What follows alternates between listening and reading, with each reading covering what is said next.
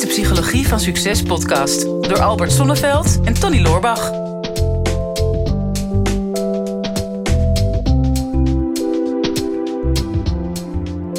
Ja, lieve mensen, van harte welkom bij een bijzondere aflevering van de Psychologie van Succes podcast. Want we hebben inmiddels uh, zo'n ja, 120 afleveringen erop zitten. 120? 120, vrij met z'n ja, Je bent gewoon in beeld hoor, je hoeft niet bij mij over de schouder. Maar uh, met z'n tweeën. Maar ja. Uh, ja. we gaan het concept wat uitbreiden. We gaan vanaf nu iedere maand met een inspirerende gast aan tafel. En we zitten met, met niemand minder dan Hidde de Vries. Ja, de Hidde de Vries. De Hidde de Vries. nummer één bestseller managementboek met Work Smart, Play Smart. Ja, waarom niet Drive Smart? Dat zit er dan weer niet bij. Maar goed, dat is... ja, dat is het vervolg. Je moet oh, okay. altijd een upsell mogelijkheid hebben. ja. hoe, voelt het leven als een bestselling auteur? Hectisch, ja. druk. Ja. Nee, ja, het is geweldig. Het is een, een soort van rollercoaster. Um, je krijgt opeens heel veel aanvragen, maar er komen ook een heleboel simpele dingen bij als uh, logistiek en distributie. Um, maar het is de, gewoon het, het, het, feit dat hij er is. En ik had uh, toevallig heel leuk toen ik hier naartoe reed, uh, langs het ADO-stadion, stak hij boven het ADO-stadion in een billboard oh, stond hij. En uh, iemand, een vriend van mij die bij, een, uh, bij Helena werkt, die had gezegd: joh, weet je, als je dan nou dat nieuwe boek en nou, we hebben wel een leuke, leuke deal. En uh, dus ik reed langs het Adriaanstadion en dan zie je zo je boek. En wij hebben nog nooit mega gedaan, Tony. Dus ik bedoel... Nee, ik, nou, ik bij mijzelf in de woonkamer had ik voor mezelf gemaakt. Maar, maar niet op het radiostadion. ik heb ook wel eens mijn logo op een, op een vliegtuig geplakt. En toen zei ik, jongens, kijk eens wat goed. Dit is mijn vliegtuig. Dat was wel een soort van eer, maar dit is toch wel echt heel erg leuk. Ja. En is dat een beetje kenmerkend aan jou? Ik bedoel, denk je zo groot? Ik bedoel, gaan we het stadions vullen? Of wat, wat, wat, is, jouw, wat is jouw belangrijkste drive? Je zal het bij Google zeiden ze vroeger altijd your big, hairy, audacious goal. Ja. En ik weet dat ik voor mezelf heel goed ben in dat big, hairy, audacious goal definiëren. Um, ik ben wat minder goed in de stappen die we daar naartoe moeten zetten. Mm -hmm. Dus ik heb gelukkig een, een goed team om me heen die dus meehelpt om die stappen te definiëren. Om te zorgen dat je er dan ook daadwerkelijk komt. Mm -hmm. Um, maar ik heb wel zoiets op het moment dat ik dan ermee bezig ben. Dan denk ik wel, ja, wat kun je nou doen om te zorgen dat het ook wel beetje volume, dat het, dat het zin heeft, zeg maar. Dat ja. het uh, tot zijn recht komt. Nou, even, even voor de duik, duidelijkheid voor de luisteraars en de kijkers. Um, misschien denk je, wie is nou Hidde de Vries voor die enkele Nederlander uh, die jou misschien nog niet kent. maar het doel juist is van, van deze gesprekken om het vooral heel persoonlijk uh, te houden. En wil je meer weten over Hidde, dan kun je dat ongetwijfeld vinden op internet. We hebben ongeveer 30 minuten gemiddeld om, om tijd te besteden. Dus daar gaan we niet, wat, daar gaan we niet zo, geen uitgebreide ja, autobiografie dus, maar gelijk de diepte in. Hè? Ja. Nou, nou ja, stel jij de dieptevragen? Je vond het druk. nee, de verwachting is eigenlijk. Ja, ja, ja, zeker. We gaan natuurlijk in, uh, in Brein TV voor ons leden ga je ook nog een sessie geven. Ja. Op uh, donderdag de 24e in de ochtend. En dan uh, ga je nog verder de diepte in. Maar dat mag nu natuurlijk de, de pret niet drukken. Dat gaan we natuurlijk ook doen. Ja, om maar meteen de diepte in te gaan. Work Smart, Play Smart. Ja, ik, ik vond het echt een heel, heel tof boek, nuttig boek. Maar wat, hoe, stel, dat je het in, stel dat je er maar twee alinea's aan zou mogen wijden om uit te leggen waar het over gaat. Hoe, hoe zou je het dan samenvatten? Wat is de kern? De kern is dat we over de afgelopen jaren heel goed zijn geworden in heel hard werken. Hmm. En zeker nu met die corona-rollercoaster zijn we wat minder gaan nadenken hoe we ook slim werken. Hmm. En ik wil niet zeggen dat hard werken nou uh, niet goed is. Want zeker als ondernemer, dan, dan zijn er zoveel dingen. Maar als we wat slimmer gaan werken en wat slimmer gaan ontspannen, dan blijft er veel meer funtime over, krijg je meer voor elkaar. Ja. Um, dat is uh, samengevat ongeveer de, de harde kern van het, uh, van het boek. Want hoeveel, hoeveel uren werk jij? Ja, die vraag wordt me nu heel veel gesteld. Ja, onder de 80 heb ik uh, voor elkaar gekregen. Ik had laatst voor mezelf de challenge, we doen met ons team altijd challenges. Uh, dacht ik van nou, zullen we dan acht uur per dag gaan werken? Ik denk dat vind ik best wel een flinke challenge. Uh, is mij nog niet gelukt. Maar zeker met het uitbrengen van een boek, dan, dan ben je zo in die rush. En dan zijn er zoveel dingen die je aan het doen bent. En zoveel dingen die erbij komen kijken. Um, dat is wel leuk. Eén dingetje wat ik op een gegeven moment, hij ligt dan bij Centraal Boekhuis. En toen kwam ik erachter dat Centraal Boekhuis jou niet mailt als hij op is. Hm. Ja. Dus ik zie op een gegeven moment op bol.com helemaal trots te kijken. Heel Hidde de Vries nergens te zien. Geen boek te vinden. Hm. Bleek dat dus inderdaad een boek op was bij Centraal Boekhuis. Ja, nou, dat is een van de, van de vele dingen waar je tegenaan loopt. Wat, wat ik, ik heb zelf ook een aantal boeken geschreven, weet je ook. En um, Maar ik vind de theorie, die geloof ik 100%. Maar om het dan in mijn eigen leven toe te passen, is mega moeilijk. Het is, ik, vaak is het ook een soort wishful thinking, in mijn geval in ieder geval. Uh, ik, vaak heb ik het boek voor mezelf geschreven. En, de, en dan mogen heel veel andere mensen er mee genieten. Uh, hoe is dat bij jou? Ja, eigenlijk exact zo. En dat vind ik ook wat leuk. Toevallig was ik vanochtend aan het sporten op het strand met een vriend van mij.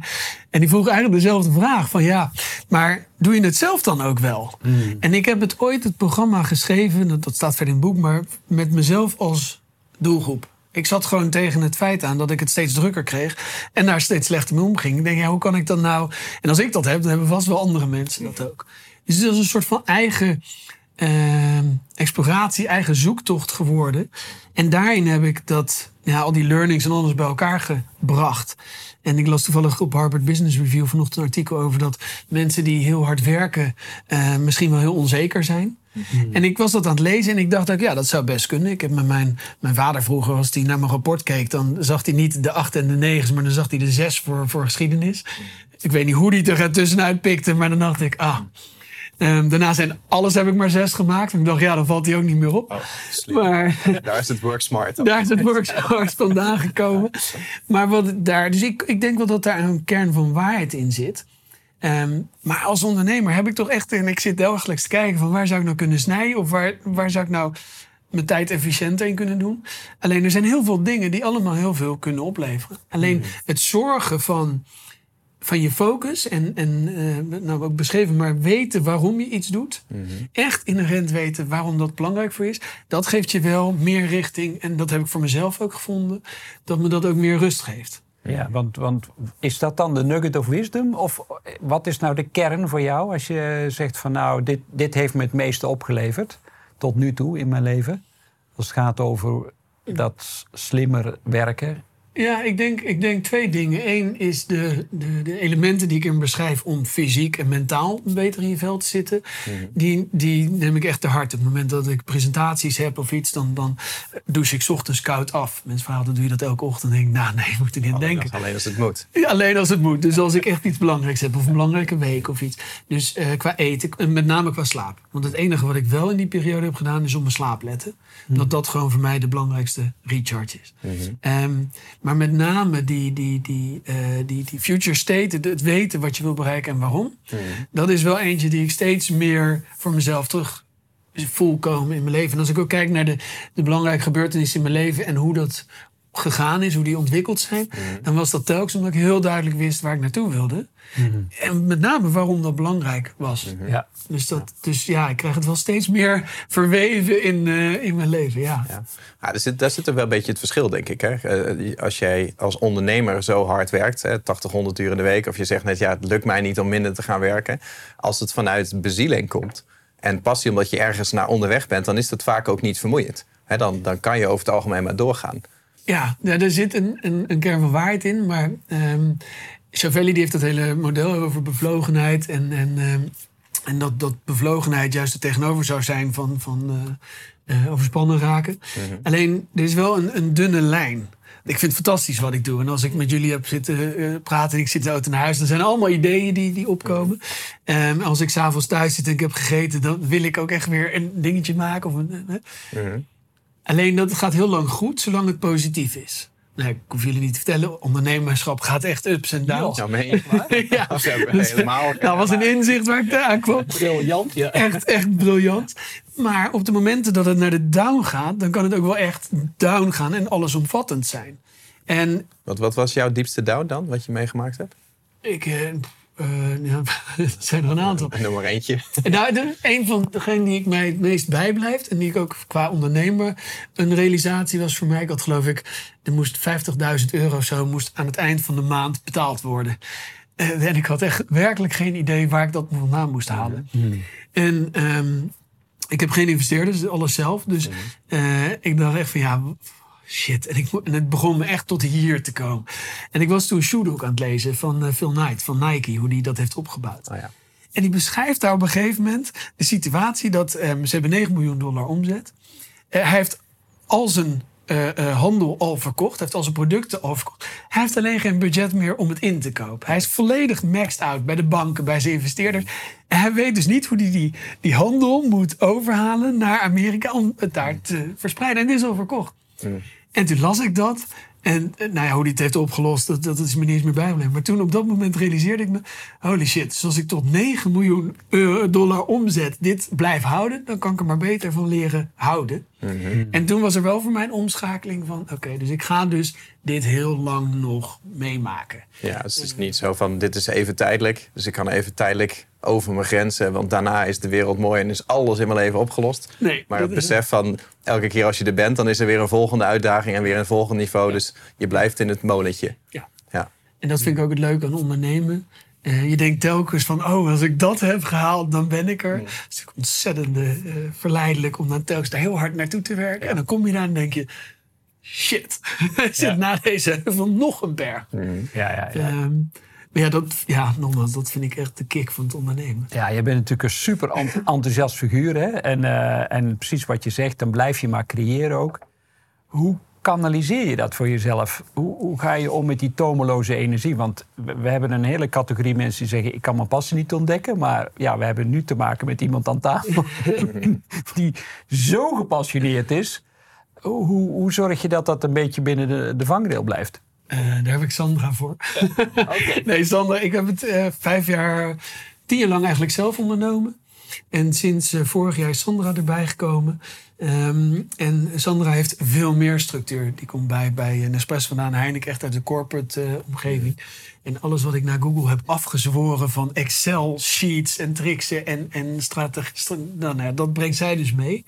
En we hebben nu dus ook, ehm, waar ik vroeger in het weekend, of na het weekend op maandagochtend met mijn team zat. En ik heb dit bedacht en dit is gaaf en dit gaan we doen. Ehm, eh, leg ik dat eerst nu bij Sandra neer en dan stelt zij een paar kritische vragen. En dan Ja. schuif ik er zo meteen een paar weg.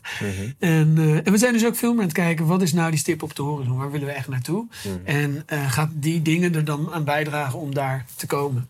Ja. En dat heeft voor mij wel echt heel veel rust gebracht. Ja, oké. Dus gewoon alleen maar dingen doen die je dichter bij je doel brengen. Ja. En nee durven zeggen. Ja. Stond eh, op een gegeven moment eh, in, jouw, eh, in jouw boek eh, natuurlijk een heel verhaal over eh, het, eh, het, het verhaal in Afghanistan. Ja, En eh, volgens mij had je daar op een gegeven moment hier ook over. Ja. Hè, van hè, weten waar je uiteindelijk iets Ja. voor doet. Van hè, waarom vechten we de oorlog? En omdat we weten waarom we de oorlog vechten, kunnen we eigenlijk per strijd kunnen we winnen of verliezen. Maar dat, dat is in het grotere geheel is dat een andere beslissing. Hè? Dus, dus de, de strijd kan zinloos lijken, maar in het totale plaatje is dat misschien, is dat misschien groter. Maar volgens mij, op een gegeven moment las ik ergens Kill Your Darlings. Ja. kwam hierin voorbij. Dat is dit ook, denk ik. ja absoluut. Wat, wat voor het dar- darling heb jij gekild, wat je nog steeds pijn doet? nou, ik heb met Yvonne Kruger, dat is een, een eh, vriendin die, eh, die eh, advies heeft gegeven en, en daarmee heeft geholpen. En die zei op een gegeven moment, we hadden toen business to consumer en business to business. En ik weet nog dat we aan het tekenen waren op zo'n flip over. En toen zei zij, ehm, maar die business to consumer, zeg het maar. En ik wist dat dat het moment was dat ik daar een hele grote streep doorheen moest zetten. Ja. En het deed echt, het, het, vanuit mijn tenen moest het komen om die streep zo. En dat was echt een pijnlijk moment. En toch heeft het ons dat heel veel gebracht. Want in het bedrijfsstuk, daar focussen we ons nu helemaal op. En daar zie je gewoon dat het, dat het, dat het ja, floreert, dat het echt tot tractie komt. Ja. Ehm, en dit boek is dan meer geschreven weer voor de consument. Eh, maar het, het de business is echt gericht op die, eh, op die bedrijven, op de, ja, op het bedrijfsleven. Eh, maar dat was wel een van die darlings die ik toen met eh Ja. schoorvoetend heb moeten killen. Maar nu, nu blij mee? Ja, ja, ja. Want het heeft ons toen meer de richting gegeven, directie gegeven, eh, ja, richting gegeven. Ehm, en we merken het nu ook telkens weer. Ik heb telkens dat ik denk van, oh, dat zou ik zo graag nu willen oppakken. En het streept er doorheen. En ik merk ook dat het een, een het wordt leuker. Het wordt leuker om te zeggen, oké, dat is echt een fucking goed idee. Dan gaan we het niet doen. Ja. ja, het is, Ja. ehm, Want, want om die keuze te kunnen maken, heb je een soort hoger doel. ja. Toch? Hè? Je hebt je intrinsieke motivatie om de dingen te doen en daar komt je focus vandaan. Maar wat is het hogere doel? Wanneer, op wat voor manier wil jij herinnerd worden later dat je echt denkt van wow, dit, dit, dit, dit als ik hier aan denk en niet aan de billboards. Ook leuk. ja. Maar dit, dit was Hidde de Vries. Wat heb je nagelaten dan? Nou, en ik schrijf in mijn boek ook, ik zit opeens te denken, ja, dus eh, ervaringen. Ehm, ik zat gisteren toevallig in een podcast over, over vaderschap. En toen zei, ik, zei hij ook, wat is nou het mooiste wat je met je zoontje kan doen? Ik heb een zoontje van uh, 3,5, Boet. Um, ik zeg, ja, wat ik hem wil nageven zijn ervaringen. Want dat is het enige wat je altijd bij je zal dragen. En um, uh, en positieve ervaringen. Dit is Red het Regenwoud koopt dit boek. Ze zijn samen met Earth Today een samenwerking aangegaan. Om iedereen die dat boek dan koopt een vierkante meter grond te geven. Een stuk natuur. En onze missie voor het bedrijf is het leven verbeteren van 1 miljoen mensen. Nou, dat is hartstikke leuk. Maar ik vind het eigenlijk veel leuker dat al die 1 miljoen mensen straks een stuk natuur krijgen. En dat je echt kan zeggen, jongens, we hebben dit met z'n allen gerealiseerd. Dit stukje hebben wij ons toegeëigend om te beschermen, zeg maar. Ja. Um, dus, en wij allemaal, hè, ik denk, um, als ik kijk naar, naar toen ik bij, bij Google destijds begon, wilde ik heel graag iets doen voor Free a Girl. Vond ik een heel mooi initiatief waar meisjes, meid, uh, kindermishandeling, kinderprostitutie, uh, dat soort zaken, um, waar zij zich voor inzet om dat te voorkomen.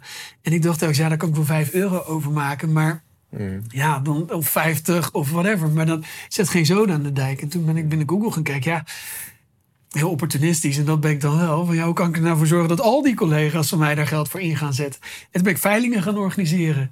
En dan was het, uh, nou, Tony die kon oppassen op uh, kinderen. En uh, nou, Albert die kwam ergens een muurtje schilderen. ja, maar daar konden mensen dan geld op inzetten. En uiteindelijk hebben we daar toen echt een rigoureus bedrag cash kunnen overmaken. Hm. En toen zeiden ze op een gegeven moment, ja, wil jij niet dan naar India toe om te kijken wat we met dat geld doen? Denk, ja, dan komt er zo'n grote blanke man, die komt dan tussen die meisjes. Dat, dat voelde niet goed. Totdat de derde editie van die veiling mensen echt begonnen te moren en zeiden van ja, maar ja, moeten we dan weer voor Free Girl? Ik zeg ja, dat moet. Uh, uh, uh, omdat. en toen heb ik besloten, ben ik samen met een vriend van mij naar India gevlogen en hebben daar een mini docu geschoten. Zijn we undercover die huizen ingegaan en nou, het is een heel um, hele mini-docu geworden. Mhm. En daar hebben we toen uh, opnames gemaakt van hoe het dan toe gaat. We hebben geprobeerd met een pooier af te spreken. En er was een meisje ontvlucht. En die hebben we geïnterviewd.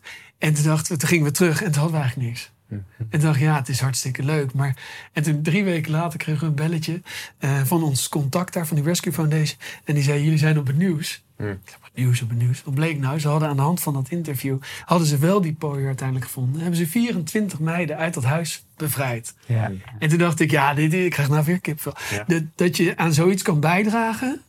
ja, dat is, dat is wel het mooiste wat er is. Ja. Dus als je dan vraagt, wat, is nou, wat wil jij nalaten? Kijk, als ik nog wat van dit soort dingen kan nalaten... Mm ja, dan zou dat wel het mooiste zijn wat je kan doen. Dat is jouw hogere doel? Ja. Maar hoe vertaalt zich dat dan in, jouw, in je dagelijkse ondernemerschap? Um, dat vertaalt zich, nou, het is natuurlijk heel mooi om allemaal van die mooie dingen te doen, maar daar kun je uiteindelijk geen boterham mee verdienen. En uiteindelijk wil je ook uh, uh, continuïteit. Mm um, dus we hebben in het, in het plan hebben we inderdaad gewoon uh, de, de targets waar we naartoe willen werken. En daarnaast kijken, wat kunnen we daar dan mee bereiken? Mm -hmm. En zo zijn we heel erg aan het kijken van... wat kunnen we nou voor leuke initiatieven doen... om, mm -hmm. uh, om dat meer waarde, meer body te geven. Ja. Dus, uh, en wanneer ben je dan tevreden? Nooit. um, dus je begint dan toch weer op je vader te lijken, want ja, uh, ja, ja, dan, is, dan, is een zes niet genoeg. Nee, ik las een heel Psycholoog mooi... heeft je al even weer op de sofa ja, ja, ja, precies. ik las een heel mooi artikel laatst over uh, contentment. Mm. Tevreden zijn. En in onze maatschappij zijn we heel erg uh, geluk en happiness aan het najagen. En um, deze man, David Carolla, ik ben even zijn naam ja. kwijt, maar ja. Ah. Maar die. Uh, uh, Geloof je meteen? Ja, die, die had dus onderzoek gedaan, ook bij inheemse stammen, naar tevredenheid. En happiness is leuk, maar dat is een emotie die komt en die gaat. Maar tevreden kun je altijd continu zijn. En dan heb je een tegenvaller. Nou, dat is een tegenvaller. Ja. En ik denk dat dat wel een doel voor mij persoonlijk is, om daar meer naartoe te, uh, te trekken. Als je ook ja. kijkt naar, naar Boeddha, hè, de, de hele. Um, de verlichting is ook een vorm van tevredenheid. En uh, zonder dat het nou heel spiritueel of, of zeverig hoeft te worden. Maar ik denk als je daar meer je rust in kan vinden, word ik dus niet zoals mijn vader. Ja. Maar uh, uh, wel, ja, wel een hoger doel. Ja, volgens mij. Hè. De boeddhist die zegt ook... ik heb eigenlijk heel weinig aan verlichting... zolang als er nog mensen op aarde zijn die niet verlicht zijn. En dus tot die tijd kan ik niet echt tevreden zijn met mijn verlichting. Ja. Dus, dus dat is wel een, eh, denk ik een hele mooie combinatie die je kunt hebben... als je mensen tot die lengte vandaag kunt blijven inspireren. Maar wel vanuit een tevreden gevoel. Mhm. Dus dat lijkt me in ieder geval een hele mooie giveaway ook voor de mensen die, eh, die willen, Ja. willen snappen van wat, waar draait het nou eigenlijk werkelijk om in dit leven. Ja. Maar, maar dat is wel een veel diepere laag die jij in ieder geval wil uitdragen bij veel corporate bedrijven ook. Hè, daar, daar ben je zelf. Wat, wat heb je met corporate? Wat, Nou, aan zich heb ik niet zo heel veel met corporate. Ik heb zelf één keer in een, in, een- in een bedrijf gewerkt, dat was Google. Dus ook niet echt heel corporate, wel steeds meer. Maar, ehm, maar wel heel veel corporates gezien en heel veel vrienden en bekenden die bij corporates werken. Ehm, ik vraag me af of dat altijd even gezond is, hoe het er dan toe gaat. Eh, ik ben zelf veel meer van de, van de, de, de start-ups en de scale-ups, vind ik. Van, er zit veel meer energie en ambitie. ja. Als je bij een start-up of een scale-up of vizier binnenkomt, iedereen die straalt en is bezig, weet waarvoor die doet. Als je bij een corporate binnenkomt, dan heb je er één of twee eh, die echt stralen. En, eh, ehm, dus ik heb aan zich niet zoveel met corporate specifiek. Nee, Alleen- toch, toch kom je daar wel, tenminste als ik kijk naar jouw klantenbestand, dan heb je er best wel wat tussen zitten voor je.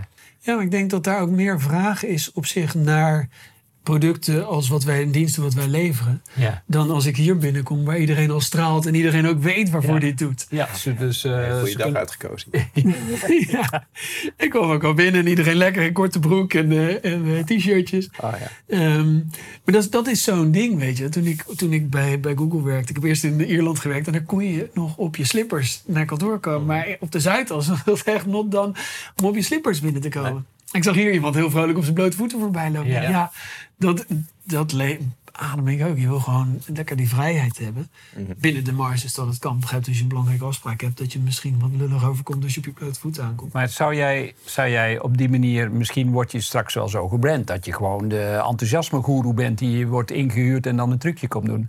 Ik kreeg laatst een aanvraag of ik bij een presentatie een liedje kon zingen.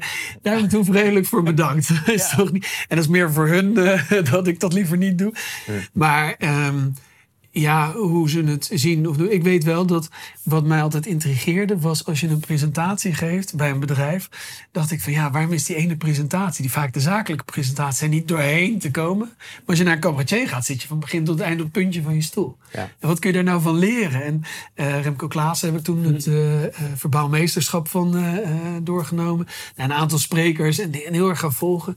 Ik weet dat ik toen bij Jochem Meijer zat, eh, gewoon als, als gast daar. eh, toen dacht ik, nou, ga eens even kijken waarom we hier zo geboeid aan naar blijven kijken. Ik dacht, oh, en dat, en dat herken ik, en dat, en dat is leuk. Ik dacht, ja, er zijn heel veel van die dingen die je mee kan nemen in een presentatie, die je verhaal gewoon wat extra bijvangst, met wat, wat extra jeu geven. En de boodschap is, weet je, iedereen gelooft in zijn eigen boodschap die hij verkondigt. Alleen mensen onthouden toch maar één of twee, misschien drie dingen uit een verhaal. Dus hoe kun je er nou voor zorgen dat mensen dan ook nog even een leuk moment hebben ehm, met die boodschap? Ja. Ehm, ja, dus zo, zodoende eh, gaan die presentaties eigenlijk altijd. Ja. Leuk. Ik, eh, ik heb dat meestal in de supermarkt. Dan wil ik lol hebben met de boodschap. Maar eh, dat is weer wat anders waarschijnlijk. Ja, het is voor mij een reden om nooit naar een supermarkt te gaan. Omdat ik wel gewoon lol wil hebben in het leven. Ja, nou, ik heb een beetje die. Ik heb een beetje die. Ja, hey, maar ehm, eh, jouw, jouw boek het gaat natuurlijk over, eh, eh, als ik het samenvat, energie. Hè? Dus, dus hè, je hebt het over eh, je future state of mind, je doelen bepalen. Het gaat over, er zit echt, er zit zoveel in. Echt gewoon, elk- elke pagina zit wel een onderzoek of een anekdote. Waarvan ik denk van, oh ja, hier herken ik me in. Hè? Ja. Dus je hebt het over herkenning. Wat, wat een cabaretier ook doet, denk ik. Hè? Die laat je herkennen in een situatie. Nou, het zit, zit hier ook in.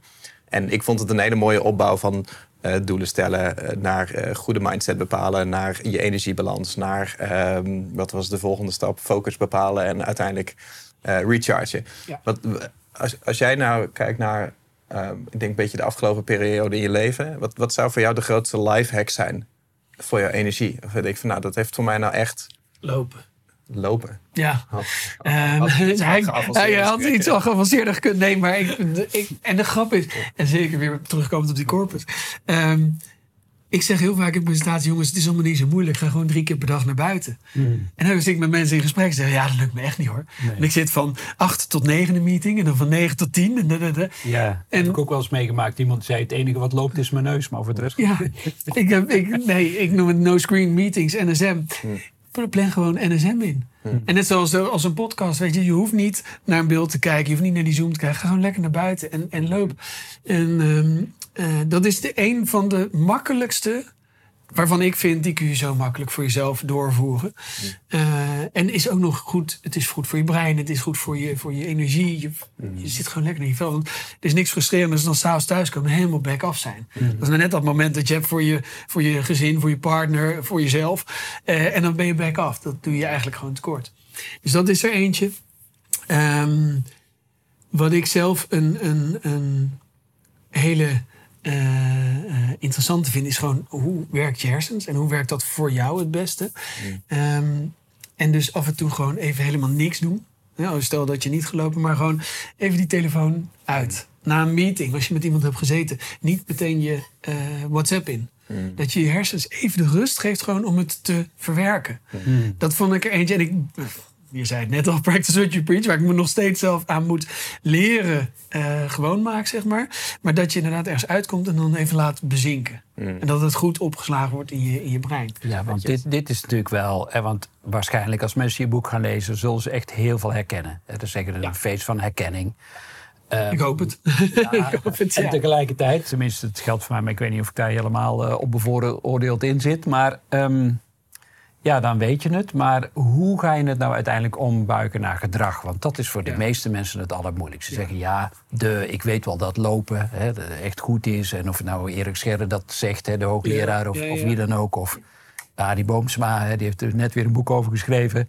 Ehm, maar hoe doe je dat nou in omzetten in je gedrag? Want je, je zit in een volle agenda, een, een druk gezinsleven, alles is er. Hè, je merkt het zelf ook.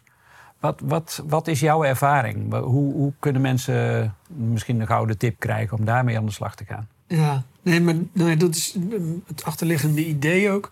We weten alles al, weet je. Alles is al geschreven. Eh, als ik naar jullie podcast luister, denk ik... oh ja, dat is ook goed. Maar de basis is soort van bekend op een gegeven moment. Je weet wat je zou moeten doen. Het is building that bridge between knowing and doing. Toch een one-liner, sorry. Maar, Nou, mocht, van mij, hè? Ja, mocht van je. Alles zijn vooraf, je mag geen one-line. maar die, die, die, het is zo spot on. En wat ik probeer te doen in het boek is... Want of je mijn schrijfstijl nou leuk vindt of niet... eh, bij de een zal het wel resoneren, bij de ander niet. De ander die wil echt het onderzoek zelf lezen. Ehm, maar wat ik probeer te doen in het boek... is je met metaforen zo haar zuiver, haar- ze haar duidelijk maken. Ehm, haar, geen goede uitdrukking, maar zo duidelijk maken hoe het werkt. Dat als je in die situatie komt, dat je opeens denkt van... oh ja, dit is mijn monkey mind. Wacht even, dat is het. En dus eerst bewustwording en daarna proactief maken over je eigen vitaliteit, je eigen gezondheid, je eigen energie. Ja. En dat is voor iedereen anders. Tiny Habits is een van de eh, technieken die erin staat beschreven ook. Simpele dingen vervangen. Als je geen koffie wilt drinken, zet dan ook geen koffiezetautomaat neer. Ehm, als je inderdaad 's ochtends eh, op tijd je bed uit zorg dat je ook echt weet waarvoor je dat dan doet. Of dat je een plannetje hebt wat je gaat doen. Dat je dat van tevoren over nadenkt. Het is alleen wat, ja, wat voor mij gewoon werkt, is net zoals wat ik net zei met die vijf minuten nadat ik in een afspraak ben geweest. Niks is op de een of andere manier weten waarom dat dan goed is. Op de een of andere manier komt er langzamerhand in, word je langzaam bewust van, oh ja, wacht even, dat is je monkey mind, ik moet het even processen. Leg die telefoon. En het kost ontzettend veel moeite. Ja. Maar ik weet waarvoor ik het wil, want ik wil gewoon dingen die ik doe effectiever, slimmer werken. Dus eh, met minder tijd meer voor elkaar krijgen. En dan is het makkelijk als je een boek schrijft, want dan moet je het 30 keer nalezen en denk je, ja, nou weet ik het wel. Ja. Maar ga het dan inderdaad nog maar eens doen.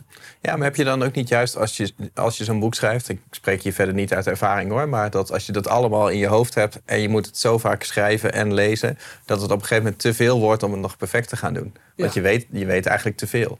Ja, het is grappig, want ik, ik, volgens mij had ik een podcast van jou gisteren nog over eh, dat je een presentatie geeft ergens en dan na afloop denkt, ik had eigenlijk net even eh, harder willen oefenen of ik had net eventjes eh, de- op een andere manier dat willen insteken. En dan kom je er vanaf en denk, ja, het had net het met kleine stapjes doen, telkens één dingetje pakken en dan na afloop denken van wat ging er nou eigenlijk wel goed. Dan kun je denken, dan krijg je een veel positievere impact. En op het moment dat die reward positiever is, dan ben je veel eerder geneigd om voor de volgende keer te kijken. Oh ja, maar ik, eh, ik zat deze keer niet de hele tijd aan mijn neus. Of, eh, nou, dat ging goed. Die opmerking krijg ik vaak. Over- overwinning. Over- ja, en dan voelt het als overwinning. En dan heb je ook die volgende keer meer lol om het te gaan doen. En wij doen het nu met het team. Ik zei net al, hey, challenges. Ehm maar dan dat recharge-programma's vijf dagen. Maar dan, ja, dat is hartstikke leuk. Maar dan proberen we wat de mensen te stimuleren. Haal er nou één ding uit wat voor jou werkt. En toen dachten we bij onszelf, ja, dan moeten we dat zelf ook eens gewoon gaan doen. Ja, dat lijkt me briljant. We doen gewoon elke week nu challenges. En eh, vorige week was dat, eh, eh, wat was het, 50.000 stappen in zes dagen. En deze keer is het je device, je, al je schermen uit een uur voordat je gaat slapen. Ontzettend lastig. Dus vannacht lag ik er pas om één uur in. Want ja, de twaalf uur, oh shit. zoveel devices. Je was een uur bezig Allemaal uit te allemaal uit te zetten. Eh, maar dan, dan pak je telkens één dingetje. En wat voor mij werkt, hoeft niet voor jou te werken of voor jou. Er zijn mensen die met, met mindfitness oefeningen denken van... Verschrikkelijk dit. Eh, en andere mensen vinden het weer heerlijk om drie liter water op een dag te drinken. Ja. Dus het is per persoon is dat verschillend. Maar op het moment dat je kleine overwinningjes voor jezelf gaat claimen... en daar ook daar trots over bent... in plaats van te zeggen, joh, ik had het minder vaak moeten... of ik had minder eh, aan mijn neus moeten zitten... of ik had dit of dat. Ehm, dan wordt het ook op een gegeven moment dan stapje voor stapje wat leuker om te doen. Ja, nu jij het hierover hebt, begint steeds mijn neus. te Ja. Jij, jij, zie- jij ziet het, maar ik heb het nu al drie keer. Ja. Ik denk, ja, wat, wat irritant. Je, jouw jeuk in de neus ook zoals mijn jeuk in de neus. Ik heb overgedragen. ja, precies, ik heb het nu. Ja. Nou, geen niet, ik geef zo wel wat terug. Want, Ja, ja, ja. Nee, ik loop straks erbij en denk, shit, dat had toch beter gekund. Ja, Ja, ja. nou, ik- dat- van die vloek zou ik wel af willen. Ja. Hey, ter afronding, Ja. misschien een eh, goede. Is er nog iets wat jij nog kwijt wil aan de luisteraars of aan de kijkers? Eh, Ik denk van nou, weet je, en natuurlijk koop mijn boek, maar da- daarnaast. Nou, ik op mijn boek, dit- ik vind hem wel leuk. En, en ik denk dat dat ook de, een, een samenvatting hiervan is. Wij weten het allemaal heel goed.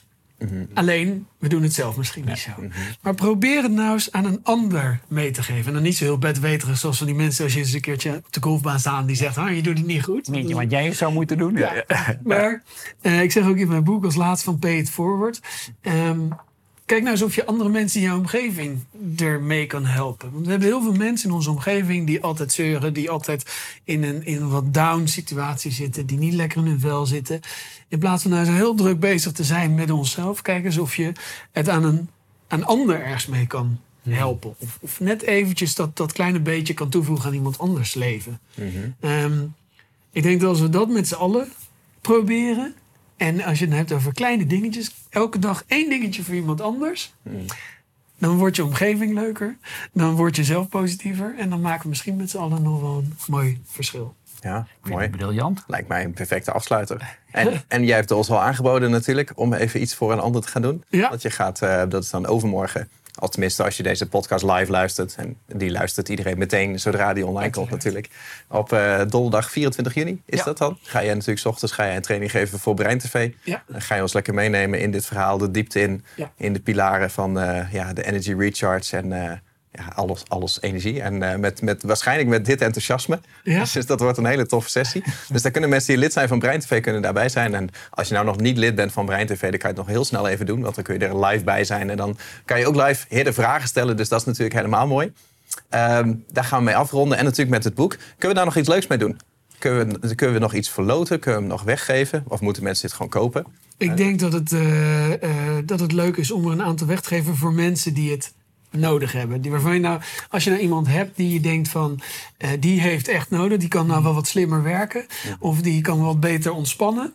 ehm, dat we het aan die mensen weggeven. Dus als mensen iemand hebben in hun omgeving waarbij ze denken van, nou, daar zou zo'n boek met zo'n soort strekking, hebben we het er nou een half uur over gehad of iets, eh, eh, goed voor zijn, dat we het aan die mensen weggeven. Klinkt wel, Ja. klinkt wel goed. Ja, maar dat is, wel, dat is wel een beetje persoonlijk natuurlijk.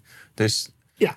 Ehm, wat, wat we kunnen doen als je nou deze podcast zit, zit te kijken, dan zit je op YouTube en dan ehm, kan je reactie onder de video achterlaten. En als je de podcast aan het luisteren bent, wat het merendeel doet, dan moet je toch echt een keer in beweging komen. en dan moet je gewoon nou eens naar YouTube. moet je nou eens naar YouTube gaan en dan kun je daar een reactie achterlaten. Maar doe dan niet een reactie achterlaten met: hey, deze persoon eh, op dit adres die kan heel goed hulp gebruiken. Want dat is een beetje raar.